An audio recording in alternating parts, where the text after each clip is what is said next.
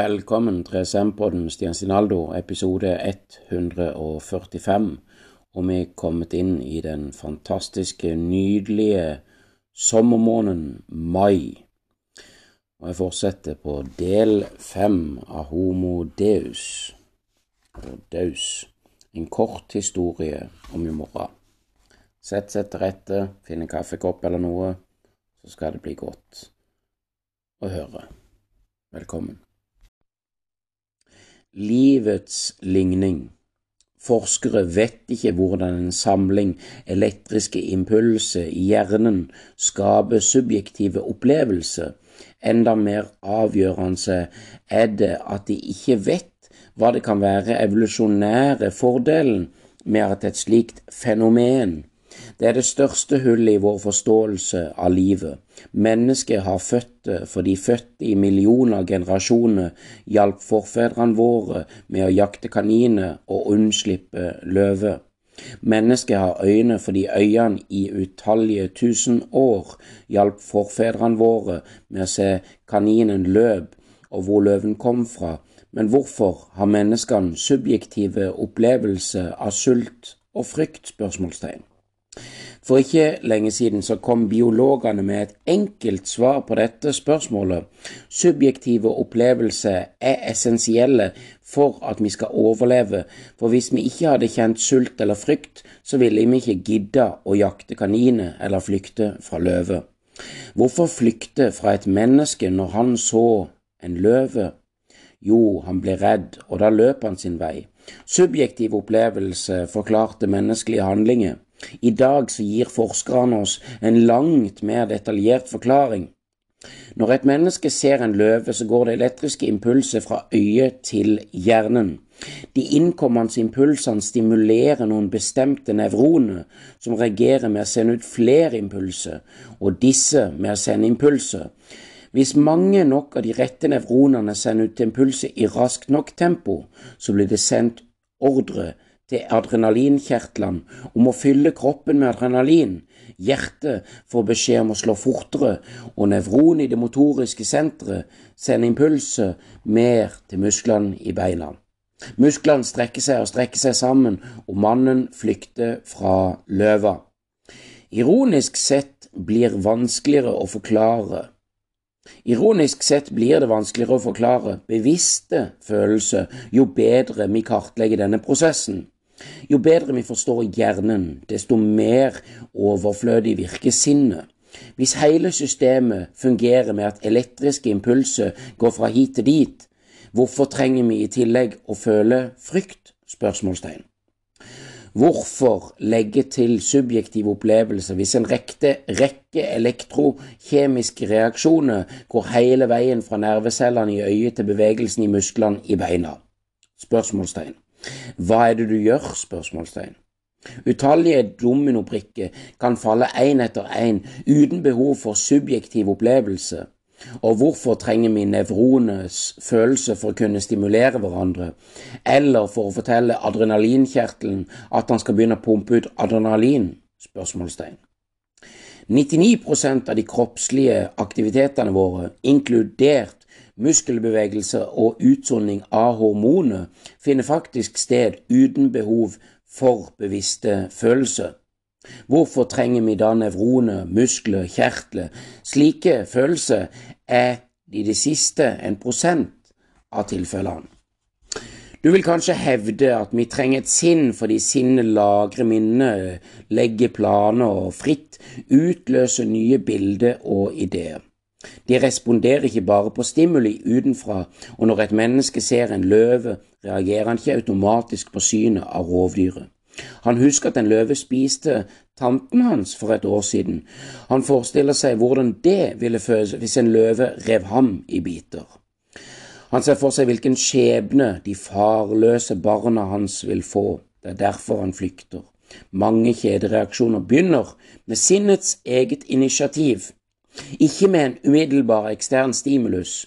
Et minne om et tidligere løveangrep kan dermed spontant dukke opp i sinnet til mennesket og få ham til å tenke på hvilken fare som kan være forbundet med løve. Så samler han alle i sammen, i stammen, før de utvikler nye ideer for å skremme bort løvene. Vent nå litt, hva er alle disse minnene og forestillingene og tankene, og hvor eksisterer de? spørsmålstegn. Ifølge nye biologiske teorier unnskyld, eksisterer ikke minnene, forestillingene og tankene våre i en slags høyere immateriell sfære. De er også skred av elektriske signaler som utløses av milliarder av nevroner. Så selv når vi regner med minne, forestilling og tanke, så står vi igjen med en rekke elektromagnetiske reaksjoner som passerer gjennom milliarder av nevroner og ender med aktivitet i adrenalinkjertlene og musklene i beina. Finnes det et eneste sted på den lange, finurlige veien mellom handlingen til et nevron og reaksjonene til neste nevron, der sinnet griper inn og avgjør hvorvidt dette nevronet skal fyre av eller ikke. Finnes det en avgjørende bevegelse i et eneste elektron som forårsakes av den subjektive opplevelsen av frykt, og ikke av en annen partikkels tidligere bevegelse? Hvorfor trenger vi å oppleve frykt hvis ikke det finnes noen slik bevegelse? Og hvis hvert elektron beveger seg Unnskyld. Og hvis hvert elektron beveger seg fordi det et annet elektron har beveget seg tidligere, det aner vi jo ikke.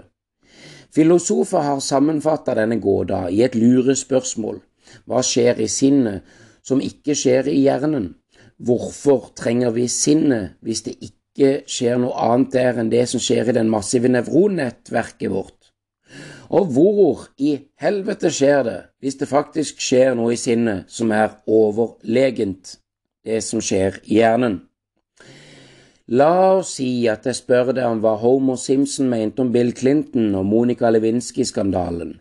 Det har du neppe tenkt på før nå som nå må sinnet ditt føye sammen to tidligere urelaterte minner, for eksempel en forestilling av et bilde der homomor Simpson drikker øl mens han ser presidenten holde en tale og si I did not, jeg hadde ikke et seksuelt forhold til denne kvinnen, talen sin. Hvor foregår denne fusjonen? Noen hjerneforskere mener at det skjer i det globale arbeidsområdet i gåsetegn, som blir skapt gjennom samhandling mellom mange nevroner. Det som blir skapt gjennom samhandling mellom mange nevroner i gåseøyne arbeidsområdet, er bare en metafor. Hva er virkeligheten bak metaforen? spørsmålstegn. Nøyaktig hvor møtes de? De ulike informasjonsdelene og føye, føyes sammen Ifølge aktuelle teorier så foregår det i hvert fall ikke i en slags plat platonsk femte dimensjon. Vi kan heller si at det finner et sted der to nevroner som ikke har hatt kontakt, plutselig begynner å sende ut impulser til hverandre. Det danner en ny synapse mellom Bill Clintons nevrone og Homer Simpson-nevrone, men hvorfor trenger vi i så fall den bevisste opplevelsen av hukommelse i tillegg til den fysiske hendelsen, der to nevroner får kontakt? spørsmålstegn. Vi kan fremsette den samme gåten i matematiske ordlag. Unnskyld. Dagens dogme hevder at organisme er algoritme, og at algoritme kan presenteres som matematiske formler.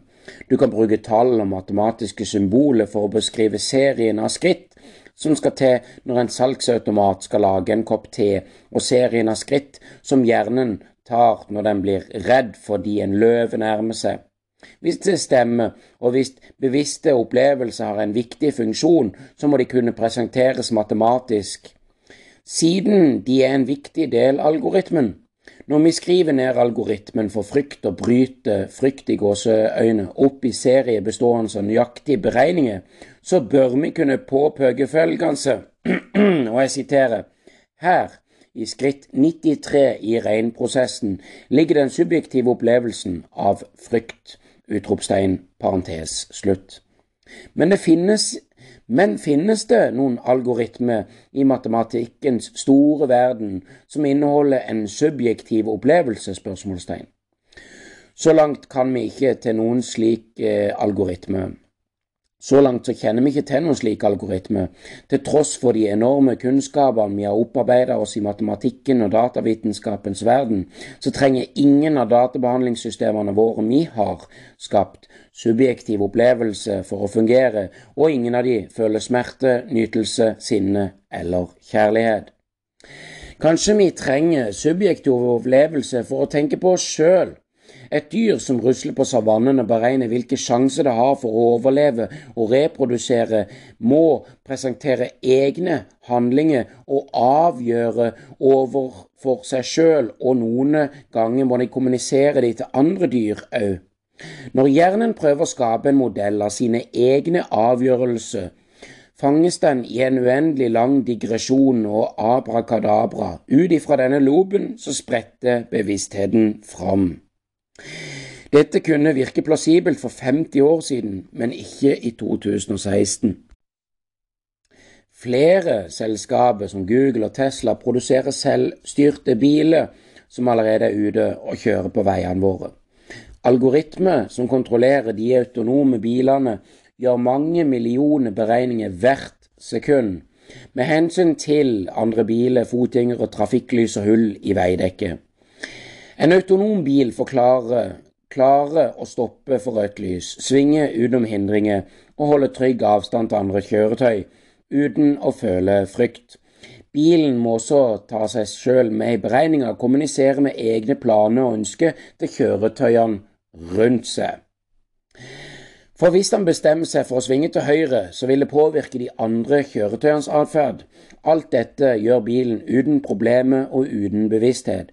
Og dette er ikke spesielt for selvkjørende biler. Det finnes mange andre dataprogrammer som tar egne handlinger med i beregningene, men ingen av de har utvikla en bevissthet, og det er ingen av de som føler eller lengter etter noe. Hvis ikke vi kan forklare sinnet og ikke vet hvilken funksjon det fyller, hvorfor ikke kvitte oss med dette begrepet? spørsmålstegn. Vitenskapshistorien er full av avlagte konsepter og teorier. De tidligere modernistene forsøkte f.eks. For å redegjøre for lysets bevegelse ved å postulere eksistensen av en substans kalt iter som skulle fylle hele universet. De mente at lyset var bølger av iter. Forskerne klarte imidlertid ikke å finne empiriske beviset for eterens eksistens, så derfor fant de fram til alternative og bedre lysteorier. Iteren, eller eteren, havna i vitenskapens søppelkasse. På samme måte så brukte mennesket i flere tusen år Gud for å forklare utallige naturfenomener. Hva får lynet til å slå ned? spørsmålstegn. Å, det var Gud. Hva får det til å regne? spørsmålstegn. Å, det var Gud. Hvordan oppnår livet på jordet? spørsmålstegn. Det var det Gud som skapte. I løpet av de siste århundrene har ikke forskerne klart å finne empiriske beviser for Guds eksistens. Derimot har de funnet langt mer detaljerte forklaringer på lynnedslag, regn og livets opprinnelse. Resultatet er at ingen artikkel, bortsett fra noen få filosofiske underkategorier, i noen Eh, fagfellesvurderte vitenskapelige tidsskrifter tar Guds eksistens alvorlig. Historikere hevder ikke at de allierte vant andre verdenskrig fordi de hadde Gud på sin side. Økonomer klandrer ikke Gud for den økonomiske krisa i 1929, og geologer påberoper seg ikke hans vilje når de skal forklare tetoniske platebevegelser. Sjelen har lidd samme skjebne i flere tusen år, så trodde menneskene at alle våre handlinger og avgjørelser hadde sitt utspring i sjelen. Av mangel på underbyggende beviser for dette, og fordi det finnes mange langt mer detaljerte alternative teorier, så har biovitenskapen vraga sjela. Det er godt mulig at mange biologer og leger rent privat tror sjelens fremdeles eksistens, men de skriver aldri om han i en seriøs vitenskapelig tidsskrift. Kanskje sinnet burde slå følge med sjelen, Gud og eteren ned i vitenskapens søppelkasse. Det er tross alt ingen som har sett opplevelser av smerte eller kjærlighet gjennom et mikroskop, og vi har meget detaljerte biokjemiske forklaringer på smerte og kjærlighet som ikke gir rom for subjektive opplevelser. På den andre sida er det viktig forskjell mellom sinn og sjel, i parentes, og mellom sinn og Gud, parentes slutt. Mens udødelige sjelers eksistens er en ren hypotese, er opplevelsen av smerte en direkte og svært håndgripelig realitet. Når jeg tråkker på en spiker, så kan jeg være 100% sikker på at jeg vil kjenne smerten. Parentes. Selv om jeg ikke er så langt mangler en vitenskapelig forklaring på det. Parentes. Nei, vent. Selv om jeg ikke er så langt sikker på at sjelen min vil fortsette å eksistere hvis det går betennelse i såret og jeg dør av koldtbrann. Det er interessant og beroligende historie at jeg veldig gjerne vil tro på, men har ingen konkrete bevis for at den er sann. Siden det alle forskere stadig opplever subjektive følelser, som smerte og tvil, kan de heller ikke fornekte disse følelsenes eksistens. En annen framgangsmåte når en skal avfeie sinn og bevissthet, er å velge å benekte dens relevans fremfor dens eksistens. Noen forskere som Daniel Dennert og Stainless Dahiri de Haini hevder at de relevante spørsmålene kan besvares ved å studere hjerneaktivitet, uten forbehold om subjektiv opplevelse. Forskere kan dermed trygt slette ordene sinn, bevissthet opp subjektiv opplevelse. Fra ordforrådet og artiklene sine så skal vi se ned i kapitlene hvor midlertidig overbygning til det moderne politikk, etikk og subjektiv opplevelse, det er få etiske dilemmaer som kan løses utelukkende med å referere til hjerneaktivitet. Hva er for eksempel galt med tortur og voldtekt? spørsmålstegn. Hva er rent nevrologisk perspektiv skjer det hvis biokjemiske reaksjoner i hjernen når et menneske blir torturert eller voldtatt, og ulike elektriske impulser beveger seg fra knippenevronet til et annet? Kan det være noe galt i det spørsmålstegn? De fleste moderne mennesker har etiske skrupler mot tortur og voldtekt på grunn av de subjektive opplevelsene som er involvert. Hvis forskere vil hevde at subjektive opplevelser er irrelevante, så vil de få litt av en utfordring når de skal forklare hvorfor tortur eller voldtekt er galt, uten å referere til noen subjektiv opplevelse. Sist, men ikke minst, erkjenner noen forskere at bevisstheten er en reell og kanskje kan ha en stor moralsk og politisk verdi, men at den ikke har noe som helst biologisk funksjon. Bevisstheten er en biologisk unyttig biprodukt av visse hjerneprosesser.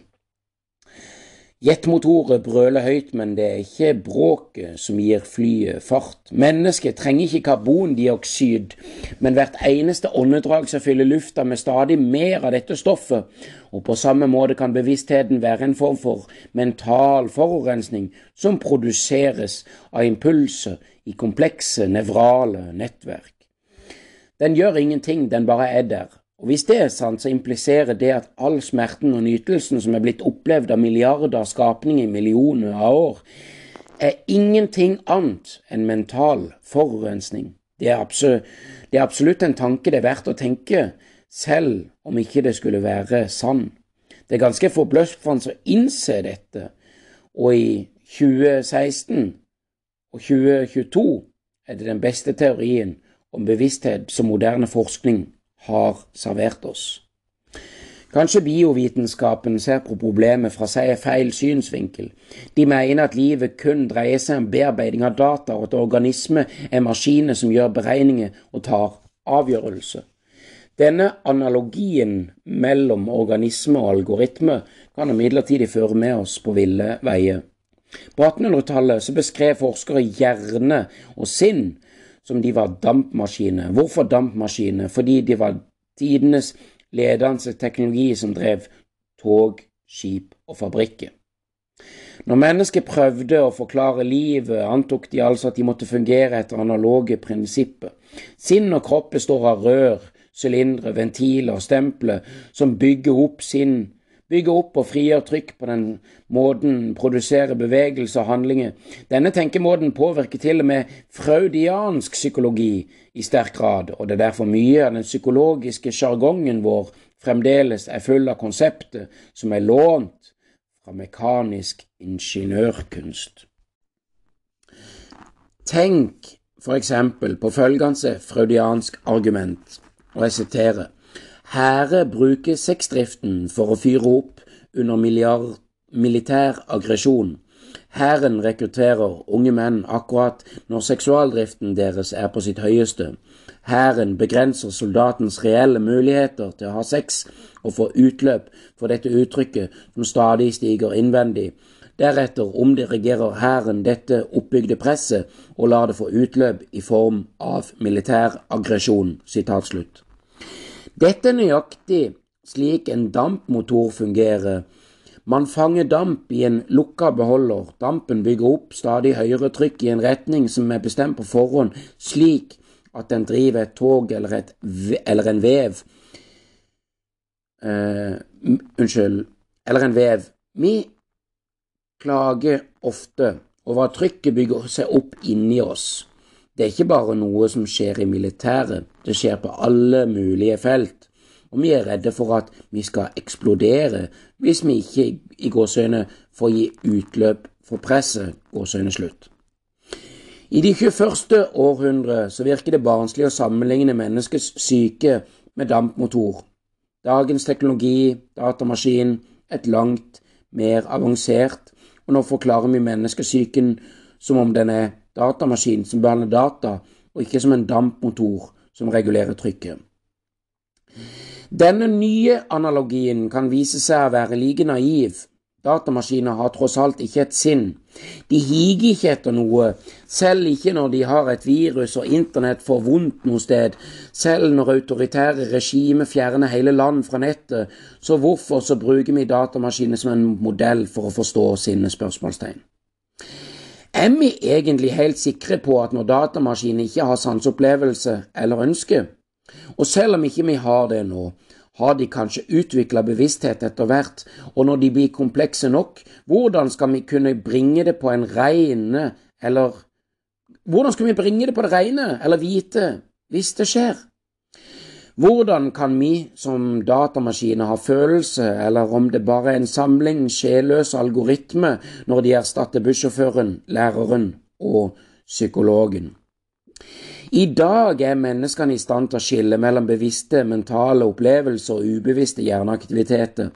Vi har på langt nær forstått um, Unnskyld, vi har på langt nær forstått bevissthet, men forskere har klart å identifisere noen av bevissthetens elektroniske signaturer.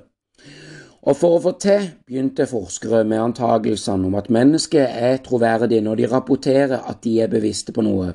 Basert på denne antagelsen kunne forskerne deretter isolere spesifikke hjernemønstre som kom til syne hver gang med unge mennesker rapporterte at de var bevisste, mønstrene som aldri kom til syne i ubevisst tilstand. Det har f.eks. gjort det mulig av forskere å avgjøre som en tilsynelatende vegativ slagpasient har mistet bevisstheten helt, eller om man bare har mista kontroll over kropp og tale. Hvis pasientens hjerne Viser de talende signalene på bevissthet, er han sannsynligvis bevisst selv om han verken kan snakke eller bevege seg. Nylig har lege faktisk klart å kommunisere med slike pasienter med hjelp av en FMRI-skanning. Da stiller pasienten ja- og nei-spørsmål, og ber de om å forestille seg at de spiller tennis.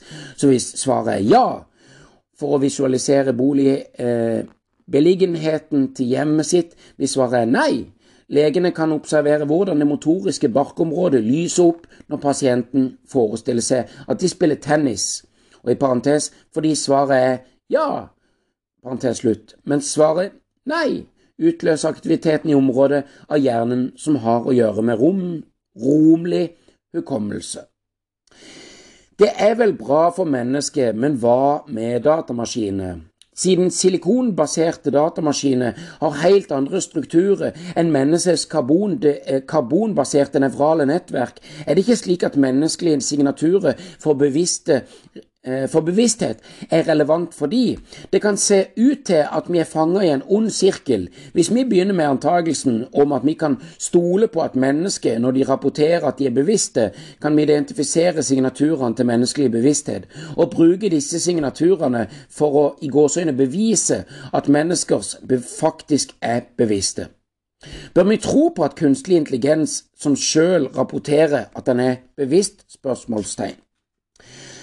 Så langt har vi ikke noe godt svar på dette problemet, og eh, allerede for eh, flere tusen år siden så filosofene at ikke det er mulig å framlegge avgjørende beviser for at andre enn du sjøl har et sinn. Vi kan bare anta at også andre mennesker har bevissthet. Vi kan ikke være sikre på. Kanskje er den eneste skapningen i hele universet som føler noe, og alle andre mennesker og dyr bare er sjelløse roboter. Kanskje jeg drømmer og at alle jeg treffer bare i skikkelse i drømmen min. Kanskje er jeg fanga i en virtuell verden og skapningene jeg ser ikke annet enn stimuleringer. Ifølge nåtidens vitenskapelige dogme er, jeg opplevel, er alt jeg opplever resultatet av elektrisk aktivitet i hjernen min, og derfor bør det være teoretisk mulig å stimulere en virtuell verden er ikke en mulighet til å skille fra den i gåsehudene virkelige verden går ikke en slutt. Noen hjerneforskere mener at vi kommer til å gjøre sånt i en ikke altfor fjern framtid. Kanskje det er blitt gjort allerede med det? spørsmålstegn.